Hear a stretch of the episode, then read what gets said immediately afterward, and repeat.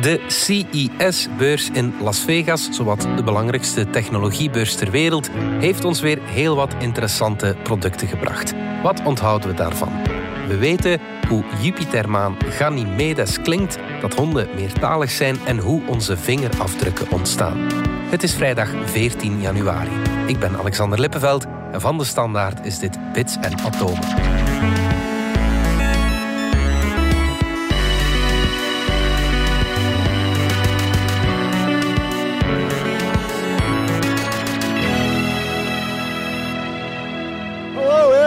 Everyone. Welcome to CES 2022. Welcome to CES 2022. Sir, yes, ma'am. We are here at CES 2022. Have you ever wondered if there's a limit to our imagination? The main doors are just about to open. Thank you for joining. Today, we're going to explore the very leading edge of technology. Dominique Dekmijn, technologiejournalist en Pieter van Doren, wetenschapsjournalist. Dominique, vorige week was er de beroemde CES-beurs in Las Vegas. In Las Vegas, maar eigenlijk in onze, in onze woonkamer. Uh, wel, het was, het was weer geen helemaal echte versie zoals, uh, zoals we het gewoon uh, waren. Ja, het verschil met de vorige versie was eigenlijk dat we niet eens het gevoel hadden dat we iets misten. Mm -hmm. Dus -huh. hij ging eigenlijk fysiek doorgaan. And I want to welcome you to the CES 2022 back in Las Vegas.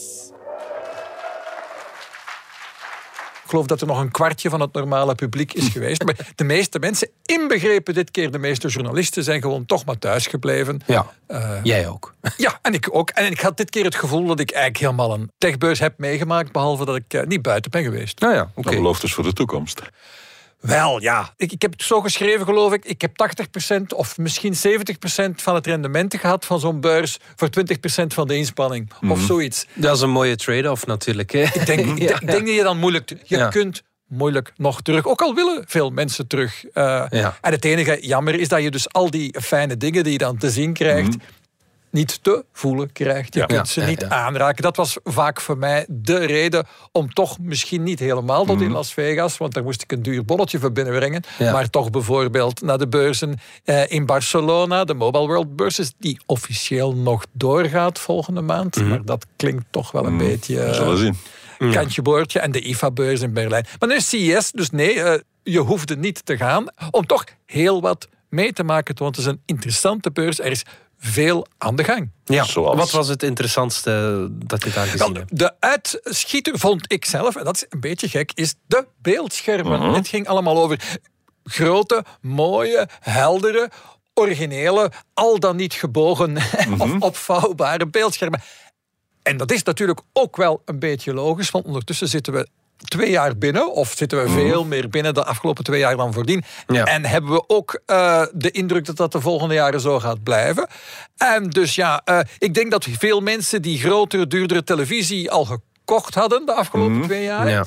En misschien ook al wel een extra beeldscherm voor een computer. Maar dat blijkt wel iets dat, uh, ja, nu, nu we echt op termijn investeren, zowel in onze woonkamer als in onze werkkamer. Mm. Ja, nog groter, nog helder, nog beterder beeldscherm. Ja, dat, dat is echt levenskwaliteit. Ja. Dus, en gaat het niet altijd om ja, echt heel kleine marginale verbeteringen? Wat we gezien hebben is dat we dus eens gaan nadenken over beeldschermen. Laten we het misschien eerst over de televisies hebben. En ja. daar is het al jaren zo dat uh, het beste dat je kunt kopen is zo'n OLED-scherm. Mm -hmm. Tenminste voor betaalbaar geld. Iets scheelt, maar ze zijn ondertussen betaalbaar. En wat je hebt met een OLED-scherm is dat uh, als het afstaat is het helemaal af. Dus je hebt diep zwart, je hebt het beste contrast en de meest levendige kleuren daardoor. Wel, dat is nu niet meer heel helemaal waar. Hè, want Samsung is eindelijk gekomen met dat ding dat zij QD-OLED noemen. En dat is een soort een combinatie van uh, stukjes uh, OLED-technologie met de quantum dot-technologie mm. die Samsung daar tegenover had gesteld en die volgens uh, sommige kenners op zich iets minder was. Maar die combinatie, die QD-OLED-schermen, die zien we nu voor het eerst. En wat is daar dan beter aan? Meer helderheid. Hè? Dus ja. die OLED, dus schermen gaan helemaal af. Dus het zwart is helemaal zwart. Ja. Maar het, het, het witste wit is minder helder dan je op sommige okay. traditionele LCD-schermen hebt. En dit combineert een beetje, belooft een beetje de, het beste van beide werelden te combineren. En gaan we dan bijvoorbeeld die ene Game of Thrones aflevering waar zoveel te doen om is geweest, gaan we die dan wel goed kunnen zien? wel, dat lijkt Want die was dan te bij, donker, zo voilà, gezegd. Bij ja. uitstek lijkt me dat nu een scherm Als we het, het slotseizoen van Game of Thrones nog willen terugzien... Mhm. Ja, bon, niemand wil dat nog. Indien, dan zouden we het doen op zo'n QD-OLED-scherm. Daar ben ik het helemaal mee eens. Ja. Maar het nieuwe opvallende eh, is dat we meteen ook diezelfde QD-OLED-grote schermen ook zien opduiken in computermonitors. En Ah, ja. dat was vroeger gewoon nooit zo. Hè. Die computermonitors liepen er altijd dan wel op achter. Kleinere formaten. Mhm. Er is al een, een QD-OLED gaming monitor aangekondigd. Ja, je verwacht die Mhm. Dat is altijd eerst bij de gamers. ja, als, die- als je ja. dan toch een dure grote monitor krijgt, en vaak met zo'n gebogen, eh, zo'n gebogen scherm, hè, Mhm. als, je de- als je die technologie toch voor een computer gaat gebruiken, was het vaak voor de gamers. Mhm. Net zoals de beste chips op computers ook altijd naar de gamers gingen Mhm. de voorbije jaren. Er werd amper omgekeken naar mensen als wij, die zitten te slaven op onze laptop. Hè. De hardwerkende Vlaming. Maar heb je Ja. dat dan nodig voor een, ja, een Word-documentje? Of... Nodig? Ja, ik weet het niet. Ik denk dat veel mensen nu het gevoel hebben dat dat toch eh, werk- en levenskwaliteit is, inderdaad. Dus, dus ik zag in ieder geval, eh, dus niet alleen grotere monitors voor gamers, maar dus ook voor de, de werkers thuis, joekels van schermen, vaak met van die gebogen technologie, ook wat, wat je toch eh, wat minder reflecties geeft, wat eigenlijk best wel aangenaam werkt. Ja. Eh, dat is niet wat ik zelf heb, want dat, dat kost nog wel eens een pakje weer. Ja. Een van de opvallendste toestellen van de CES-beurs, zeker een van de opvallendste dingen, visueel dan, of het echt gaat verkopen, weet je nooit. Dat is ook niet altijd het punt. Maar Lenovo had dan een nieuwe eh, eh, ThinkBook eh, laptop met twee beeldschermen. Dus je hebt het gewone beeldscherm, dat is al, al flink groot, dus een 17-inch scherm. Maar rechts van het toetsenbord heb je dan een tweede beeldscherm. Dat je echt als extra monitor kunt gebruiken. Daar kun je een, stukje van je scherm naartoe. Maar je zou het bijvoorbeeld ook kunnen gebruiken als ik bijvoorbeeld een artikel ben aan het schrijven en ik heb daarvoor wat documentatie nodig. In plaats van die af te printen, Ja. heb ik die dan naast mijn toetsenbord het is misschien eh, een beetje te ver gezocht, maar uiteindelijk heb je daar een- soort tablet liggen hè, op, op de keyboard, in de keyboard van je Het is ook laptop. met maar- aanraakscherm dan, veronderstel ik. eh, ik of- dacht het wel, ja. Ik dacht Ja, het wel, ja. ja, We zijn niet in Las Vegas geweest. We hebben die dingen niet kunnen aanraken. We hebben ze alleen maar gezien. En dat soort details, zo van, ja, kun je dat dan aanraken? En wat gebeurt er ja, dan? En hoe voelt dat dan? En voelt dat dan lekker? Dat hebben we niet Ja, ja, dat meegekregen van deze beurs. jammer, dat is ja. jammer. Maar dus het, het fijne is dat men zo'n dingen probeert. En dan denk ik direct van, ja, dat wil ik wel uitproberen. En zien of dat, dat nu veel bijdraagt. Laat je en weten nog niet, een stapje verder, ook een van de blikvangers op de beurs is Asus. Dat is het betere B-merk. Acer, Asus, die merken, die komen vaak met verrassende dingen aan, aan heel haalbare prijzen. Maar die komen met een, een 17-inch beeldscherm. Dus, dus dat is echt al een flinke computermonitor die je kunt dubbel vouwen en in je tasje steken. Want Nee. het is eigenlijk... Ja, wat is het dan? Hè? Is het een laptop? Is het een reuze Tablet? Is, het, eh, is het gewoon een monitor voor je computer? Het is de drie tegelijk. Ah ja, Super interessant. En dus, dus, voilà, dus eigenlijk een heel groot, goed beeldscherm dat je als tablet kunt gebruiken.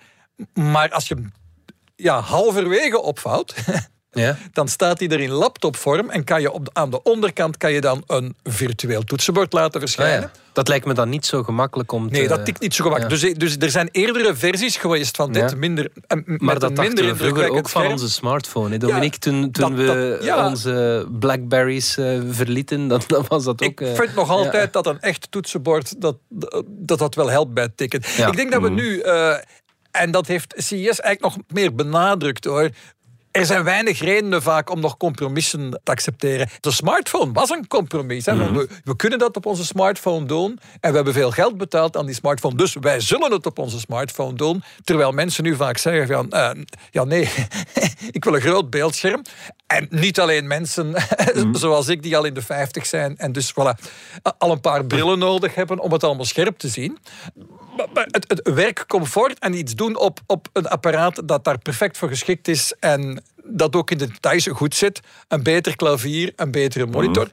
En het mag ook allemaal wat sneller zijn, dat is trouwens ook belangrijk. En dat zag je dan ook. Hè. Dus eh, er was heel veel nieuws over snellere chips voor in die laptops en die desktopcomputers.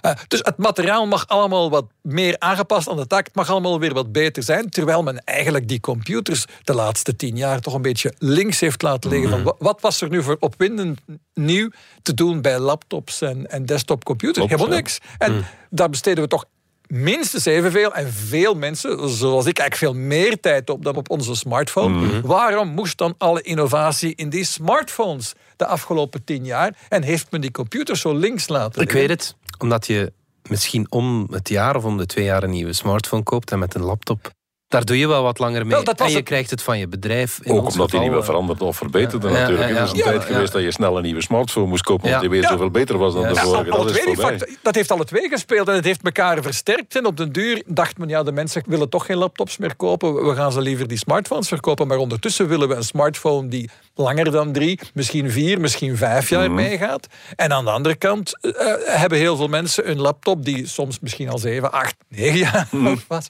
eindelijk eh, En nu zijn er ook goede redenen om je, om, om je computerhardware te vernieuwen, omdat er daar weer nieuwe en, en spannende dingen gebeuren. Dus dat, eh, dat vond ik een van de, ik- zeker het opmerkelijkste, interessantste eh, voor mij, van wat er op CES is gebeurd. Oké. Het, hetgeen mij het meest opviel, Dominique, niet dat ik heel die beurs gevolgd heb, maar dat was die auto die van kleur kan veranderen. Ja, het sterkste van is dat is eigenlijk dus een auto hè, die BMW heeft gedemonstreerd. Het is geen model dat ze op de markt gaan brengen. Het is weer zo'n eh, demonstratiemodel. Zo'n concept car, Ja. zoals ze dat noemen. Eh, de CES, CES is vooral een plek waar mensen ideeën komen laten zien. Niet al die dingen worden ooit een product. En als ze een product worden, is dat niet altijd betaalbaar. En is het ook lang niet altijd een succes. Hè. Veel van die dingen verdwijnen stilletjes. In dit geval was het duidelijk, dit is een conceptcar. En die auto kan inderdaad wit zijn, zwart zijn... of alles daartussen, alle grijswaarden en, en ingewikkelde patronen Inclusief aannemen. reclameteksten neem ik aan. Ja. Eh, ongetwijfeld ook mogelijk. Maar hoe, hoe ze dat bereikten was super interessant. Eigenlijk is die hele auto is eigenlijk een e-reader. Want het gebruikt exact dezelfde technologie als eh, mijn e-book eh, reader. Namelijk kleine bolletjes ingebed in het materiaal. Die aan de ene kant wit zijn en aan de andere kant zwart. Met een elektrische lading draaien die zich dan de zwarte kant of de witte kant naar je toe. Dus daardoor kan elk onderdeel van de auto een andere kleur tussen wit en zwart. Heb je, maar je hebt ook e-ink kleur. Dat bestaat ook. Dus in principe zou je dat, als je het in zwart en wit kunt, zou je het ook in kleur kunnen doen. Al zijn kleuren e-ink schermen eh, typisch niet zo goed, niet zo'n goede kleuren. Eh, maar bon, men probeert dat soort dingen. Dat is super interessant.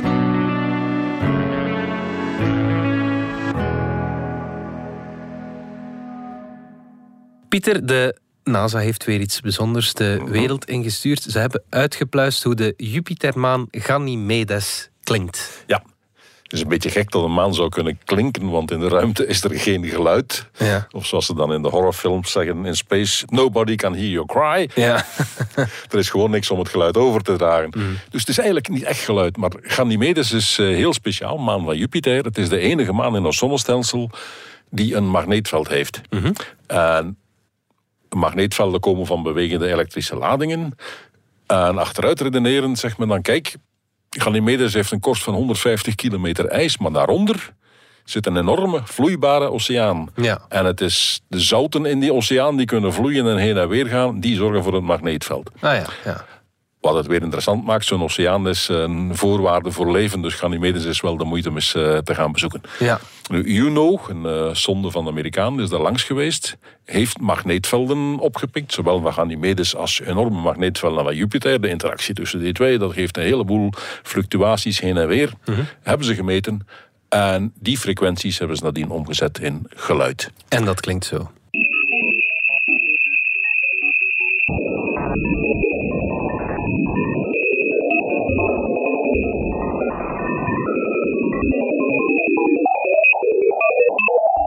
Geluid van de ruimte, zoals je het verwacht in een science Heel synthesizer-achtig. hè? Ja, ja. Ja, heel synthesizer-achtig. Het, En eh, eh, soort toevallig is Juno is dat ook een heel bekende synthesizer van Roland. Ja, ja, ja, ja. Juno is ook een synthesizer. Ja, ja.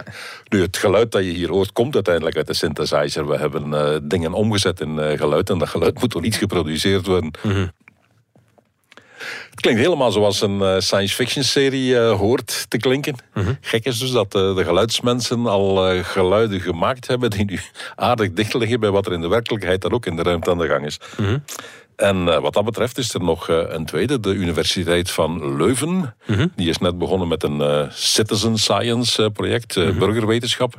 En die vragen mensen om te luisteren naar het geluid van trillende sterren. Er zijn sterren die trillen, dat is een gong zeg maar. Ook die trillingen heeft men omgezet in eh, geluid en eh, dat klinkt zo. Dat was Beta Doradus. Dit is Kepler 000757137.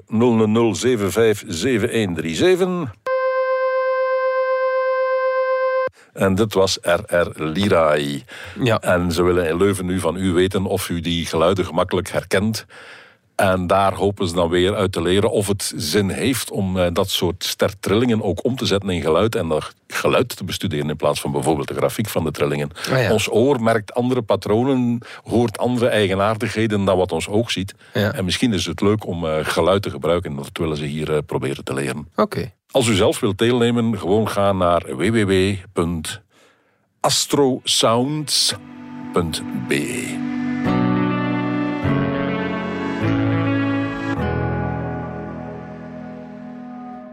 Pieter, dat brengt ons bij het volgende item. Honden die kunnen blijkbaar meertalig zijn. Dat eh mailde je. Dat is, ja. Ja, meertalig is iets. eh, Het is niet dat ze blaffen in andere accenten. Hè? Nee, het, het is niet dat ze in het Frans eh, blaffen in Wallonië en in het eh, Vlaams bij ons. Zo is het niet. Ja. Maar wat ze wel kunnen is eh, talen uit elkaar houden. Oké, ja. En dat is al een eerste stap. Het is begonnen met eh, Laura Cuaya, een eh, Mexicaanse hersenonderzoekster, die van Mexico verhuisd is naar eh, Budapest, Hongarije. En die zich afvroeg, ik heb twee honden bij, Koen Koen en Odin, alle twee border collies. Ik spreek daar Spaans tegen, ze hebben alleen maar Spaans gehoord. En nu spreekt iedereen daar plots Hongaars tegen. Wat moeten die honden daar eigenlijk van denken? Ah, ja, ja, ja. ja. En überhaupt horen ze het verschil. ja, ja. Want de vraag is, als je tegen je hond praat en hij begrijpt je tussen aanhalingstekens, wat begrijpt hij eigenlijk? Ja. Hoort hij de klanken en reageert hij daarop? Zit, loop, naast, dat, soort dingen? Of hoort hij gewoon jouw emoties? Ja, Eh, ja. Oh ja, als, als die zo klinkt, dan, dan wil hij dat ik eh, naast hem kom lopen. Mhm. Dat is niet helemaal duidelijk. Dus wat ze gedaan hebben, ze hebben eh Koen Koen en Odin en nog eh 16 Hongaars sprekende honden getraind om stil te zitten met een koptelefoon op. ja. En zich rustig in de tunnel van een CT-scanner te laten schuiven. Ah, ja. Dan hebben ze die honden via de koptelefoon een stukje laten horen uit De Kleine Prins. Het eh, verhaaltje. Mhm. Van ofwel in het Spaans, ofwel in het Hongaars. Ja. Ofwel, derde mogelijkheid, pure brabbeltaal. Ja. Waar ze die, die Spaanse en die Hongaarse dingen door elkaar eh, mengden en er een mixer op loslieten.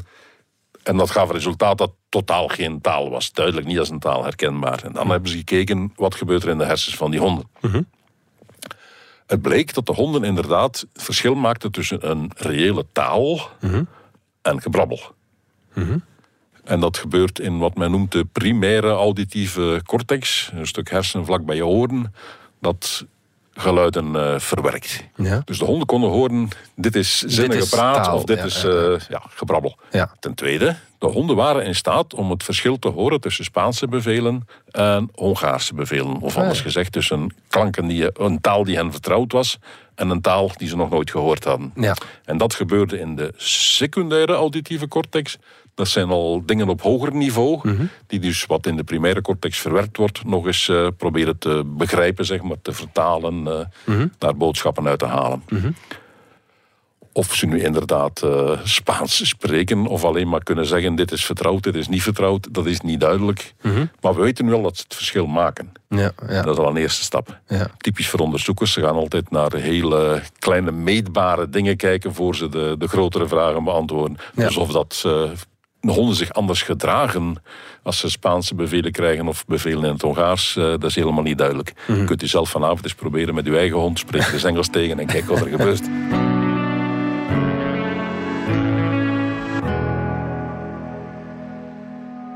Dominique, je had het al over die knappe auto van eh, BMW die van kleur verandert. Maar er is ook een beeldschermproducent die nu auto's gaat, eh, gaat ontwikkelen. Welcome to CES 2022. Thank you for joining Sony's press conference. Sony, ja, die kennen we vooral van op een PlayStation. interessante Maar, eh, ma- manier door elkaar. Ja, So- Sony, ja, ja, consumer electronics eh, bedrijf toch van oorsprong. Mhm. En consumenten elektronica. En ja, die hadden vorig jaar op CES al voor het eerst eh, gezegd van kijk, we denken eigenlijk ook wel na over auto's. En zo Mhm. zou een Sony-auto, als we ooit een Sony-auto maken, zou die er ongeveer zo uitzien. Hadden ze toch flink wat werk in gestoken Mhm. eigenlijk. En dit jaar hadden ze er weer een. Een beetje afgewerkte versie van het vorige. En dit keer hebben ze er ook, ook echt een afdeling Sony Mobility voor opgericht.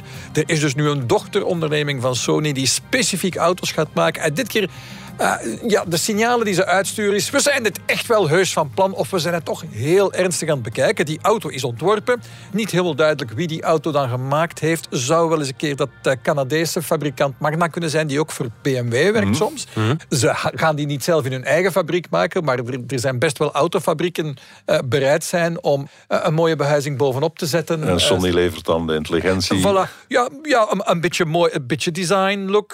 en dan natuurlijk heel veel elektronica op ja, want ik verwacht toch van een uh, technologiebedrijf dat het dan een zelfrijdende auto is op zijn minst. Uh, wel, nee, dat, dat, dat ah, zo nee. ver gaan ze dus niet. Maar ze leggen meer de nadruk op entertainment aan boord voor de passagiers. Ah, ja. Ik denk dat, dat ze het daarmee allemaal een klein beetje realistischer willen maken. Als de volledig zichzelf sturende auto's, dat is uh, dat is nog een beetje verder van ons af. En wat is dat dan? Dat, dat, dat, entertainment, is dat dan PlayStation in de, in de kop steunen? Of? Uh, maar ik weet niet of er een volledige PlayStation in zat. Je kan in ieder geval gamen. Ja, dus, ja dat uh, zal dan wel PlayStation zijn. Precies, als dat is het hele punt. Hè. Dus ja, voilà, er is entertainment. Uh, Sony is ook een filmstudio, laten we mm -hmm. dat ook niet vergeten. Dus je, je, zult kunnen film kijken, je zult kunnen naar muziek luisteren. Ze maken ook koptelefoons. Dus er is best wel wat overlap tussen wat een elektronica bedrijf, een consumer mm -hmm. electronics bedrijf als Sony doet. En, en ja, de toekomst van een auto. Waar ja, dat, eh, uiteindelijk die elektrische auto's die gaan allemaal ongeveer hetzelfde zijn. Mm. ongeveer dezelfde grondplaat en wielen. En, en, wat je er dan bovenop zet, dat is dan vooral styling. En dus interessant dat een, zo'n bedrijf als Sony er naar kijkt. Maar natuurlijk de reden dat ze dat doen is omdat iedereen weet dat al vele jaren Apple aan dat beruchte Titan, het Titan-project mm. werkt. Zij zijn ook een auto aan het maken, zijn er al vele jaren aan bezig. Hebben vaak al stapjes terug weer gezet, want dan zijn er weer wat mensen verdwenen. Maar er werken gigantisch veel mensen bij Apple aan een auto. Mm. En ik had zo'n beetje de indruk dat Sony hier zo niet alleen zijn teen in het water steekt. Dan, ze, ze hebben echt wel iets klaarstaan, mm. maar ze gaan pas door. Als blijkt dat Apple uh, met een auto komt, dan zal Sony zeggen: van, we, we hebben wel iets klaarstaan. Als dus Apple, Apple kietelen nu eventjes. Ja, zo'n beetje. Ja. En laten zien van: kijk, wij, wij hebben het al. Apple, uh, enfin, Apple praat er eigenlijk mm. publiek niet over. Hè. Het, het is zo'n zo soort uh, publiek geheim. Ze hebben gigantisch veel mensen in dienst genomen uit de auto-industrie. Mm. maar wat die precies doen, is nooit helemaal duidelijk geweest. Maar als Apple dus met een auto komt, voilà, Sony kan dan zeggen van ja, wij hebben er ook, ook in. En dan kunnen zij een beetje doorduwen. Ze hebben een ontwerp klaar. Ja. Uh, nu waar Apple over praat, tenminste waar Apple Watchers over mhm. praten, zou iets zijn dat technisch wel op een ander niveau staat. Daar spreken we wel degelijk over een auto waar dat je, uh, die zich volledig zelf zou besturen, bijvoorbeeld. En ik denk dat als Apple niet op dat niveau met iets, iets nieuws kan komen, dat ze eerder zullen geneigd zijn het, het, het niet te mhm. doen. Misschien. Als zij komen, moet het een Tesla-killer zijn. Ja, ja, ja ik denk dat, dat is zo'n beetje het idee en dat leeft denk je dat deze Sony, de Vision S, want zo heet die, denk je dat die effectief op de markt zal komen? Ze hebben dat heel nadrukkelijk in het midden gelaten. Want we kunnen het, we staan klaar, we hebben er de structuur voor. En we hebben best wel mensen die, die dit voor ons kunnen gaan fabriceren. We hebben nog niet de knop niet volledig doorgeraakt. Dus ze laten het heel bewust in het midden. Is, is de CES-beurs ergens ook een autobeurs geworden, Dominique? Wel, dat was de afgelopen eh, drie, vier jaar eigenlijk mm -hmm. aan het gebeuren. Uh, ook voor coronatoestanden. En het is inderdaad nog meer zo geweest. Hè. Als je als autofabrikant uh, iets hebt dat je wil laten zien aan de mensen... Ja, bij CES uh, vind je meer en interessantere mm. journalisten, vooral het is interessanter publiek. Uh, want, uh, en bovendien kom je dan in de technologierubriek terecht. Mm. Je komt op een interessantere plek in de media terecht. Er is heel veel media-aandacht altijd mm. geweest rond CES. Ah, ik hoorde en... dat 200 autobedrijven zich ingeschreven hadden voor CES. Okay. Dat is toch al de moeite. Ja, voilà. En, en het, het, zijn de autobedrijven natuurlijk die zich willen met technologie profileren. Maar ja, dat, dat is voor veel van die bedrijven de e-, enige weg voorwaarts nog, inderdaad. En ze kunnen, ja, Ondertussen blijven ze nog altijd oude benzinemotoren maken en, en klassieke motoren. Daar, daar, verdienen ze nog altijd hun geld mee. Maar ja, ze moeten vooruitkijken. Mm. En als ze zich willen profileren als maker van Tesla-achtige elektrische en in, in zekere mate of volledig zichzelf sturende auto's, ja, daar wil je mee naar buiten komen, naar de technologische pers, naar de media die geïnteresseerd zijn in innovatieve dingen. En dan wil je dat daar dan op CES. Dus ik denk, ja, ik denk dat dat uh, een, een, blijver is en dat CES dan die plaats heeft opgeëist als, als uh, autobeurs.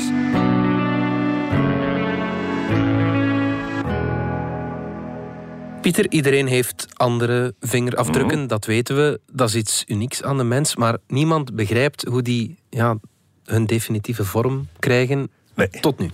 Ja, zelfs nu is het nog moeilijk. Maar we zitten alweer een stuk dichterbij in elk geval. Vingerafdrukken heb je eigenlijk ongeveer vanaf de derde maand eh, zwangerschap. eh, Ah, ja. zijn jouw vingerafdrukken bepaald. Voor een stuk zit daar erfelijkheid bij, dat weten we. Familieleden hebben vingerafdrukken die dichter bij elkaar liggen dan eh, twee toevallig wildvreemden. Dus er zit ergens wel wat erfelijkheid bij. Het is niet duidelijk hoeveel en zeker niet van waar, eh, waar diegenen dan zitten. En er zit een stuk toeval bij. Zelfs tweelingen hebben andere vingerafdrukken. Ja, ja. Maar de erfelijkheid compleet gelijk is. Dus toeval speelt ook mee. Kleine gebeurtenissen in, in de baarmoeder. Het is een beetje zoals een eh, potlood dat je op zijn punt zet. Ergens een heel miniem dingetje maakt eh, welke kant de potlood gaat uitvallen. Maar bepaal dat maar. Toeval. Nu, we weten al een tijdje dat vingerafdrukken individueel zijn. We zijn al een tijdje op zoek. Maar nu, onderzoekers in eh, Shanghai, in Xia Wang en eh, collega's hebben eens bij 23.000 mensen DNA afgenomen. Dat is al en dat DNA stevig, eh, afgelezen. Tegenwoordig kun je dat. En Ja. Dat is al een stevig aantal. Ja. En ze zijn gaan kijken, als we dat naast de vingerafdrukken leggen, zit daar overeenkomst. En zijn er patronen die zich altijd herhalen, waar je ziet, als je dit in je genen hebt, dan krijg je dat in je vingerafdrukken. En ze hebben zo 43 eh, verschillende plaatsen eh, op ons DNA gevonden die met vingerafdrukken te maken hebben. De een al wat meer dan de ander. Het duidelijkste was het gen EVI1. Ja. En dat is een gen dat eigenlijk de groei van onze ledematen eh, aanstuurt. Ah ja. Dat maakt dat we vier armen of eh, vier ledematen hebben en Ja. geen twee of geen vijf. Ja. En zo verder, die bepalen hoe onze vingers uitgroeien en hoe lang onze pink wordt en eh, hoe breed onze hand wordt. Al dat soort... Het is ergens wel logisch dat het ook daaraan gelinkt is. het is, het is logisch, het, het is verklaarbaar. Ja. Als er aan die, die vinger af, of aan die hand die nog aan het groeien is, als daar gerokken wordt in ene richting, zullen de vingerafdrukken ook in die richting wat uitgerokken worden en zo. Ja. En zo zou dus eh, dat kunnen meehelpen bij, eh, bij vingerafdrukken. En dan zie je bijvoorbeeld dat eh, mensen die op allebei hun pinken een draaiing hebben, een spiraal in hun vingerafdrukken, dat die meestal langere pinken hebben. Gemiddeld anderhalve millimeter langer dan een gemiddelde mens. Allemaal ja. naar je pink kijken nu. Ja, dat weet ik niet. Ja. Ja, ja. Je ziet ook het laatste kootje van je wijsvinger en eh, van de vinger daarnaast, van je middelvinger. Ja? Die hebben ook te maken met dat E EVI1-gen. Ja? En ook daar, als daar eh, spiralen op eh, te zien zijn, zouden die laatste kootjes wat langer zijn in verhouding tot de andere kootjes. Dat gaat weer over eh, tienden van Ik heb millimeters. eh, één, één vinger met een spiraal van die, van die vier, dus nu weet ik dat is al te weinig. Ja. ja. Eh, gek genoeg, wat we ook weten, datzelfde gen heeft ergens ook een verband met leukemie. We weten niet hoe dat dan komt. Maar het zou dus best kunnen dat je vingerafdrukken ergens iets voorspellen over je kans op eh, leukemie. Is dat een oorzakelijk verband of een toevallig verband? Daar Ja. spreekt niemand zich over eh, uit op dit moment. Maar op zijn minst, we hebben al een beetje zicht op hoe vingerafdrukken ontstaan en wat bepaalt welke vingerafdrukken dat je krijgt.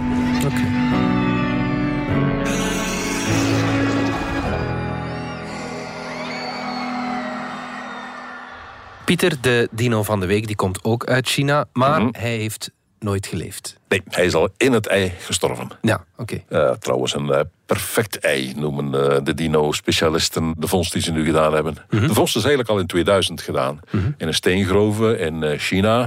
Eigenaar van die steengroeven die heeft gezegd... hey, leuk, fossiele eieren leggen we in het magazijn apart... want we zijn er best wel trots op dat we dat gevonden hebben. Ja.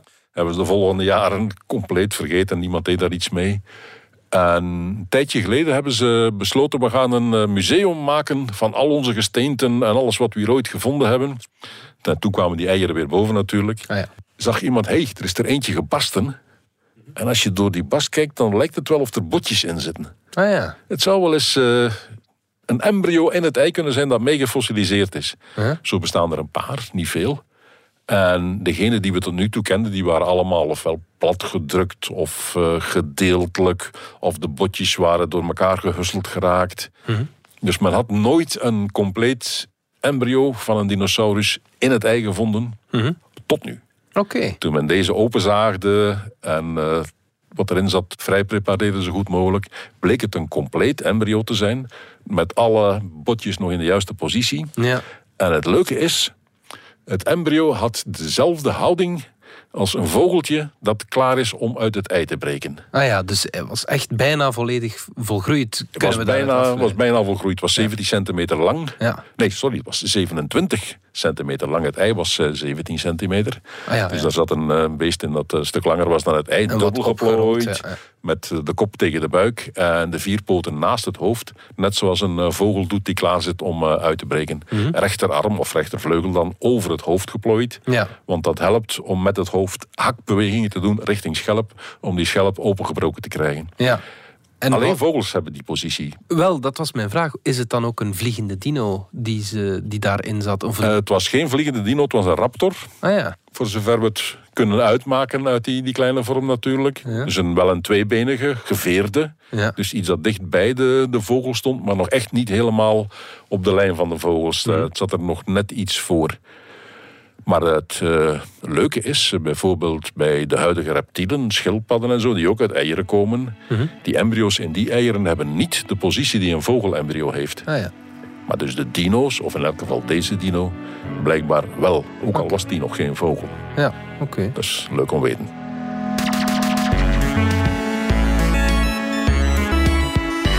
Dit was Bits en Atomen, de wekelijkse podcast over wetenschap en technologie. Bedankt voor het luisteren. Ken je trouwens DS Podcast al, de podcast-app van de Standaard? Daar luister je niet alleen naar onze journalistieke reeksen, je krijgt ook elke week een eigenhandige selectie van de beste nieuwe podcasts op de markt. Alle credits van de podcast die je net hoorde vind je op standaard.be-podcast. Reageren kan via podcast.standaard.be. Volgende week zijn we opnieuw.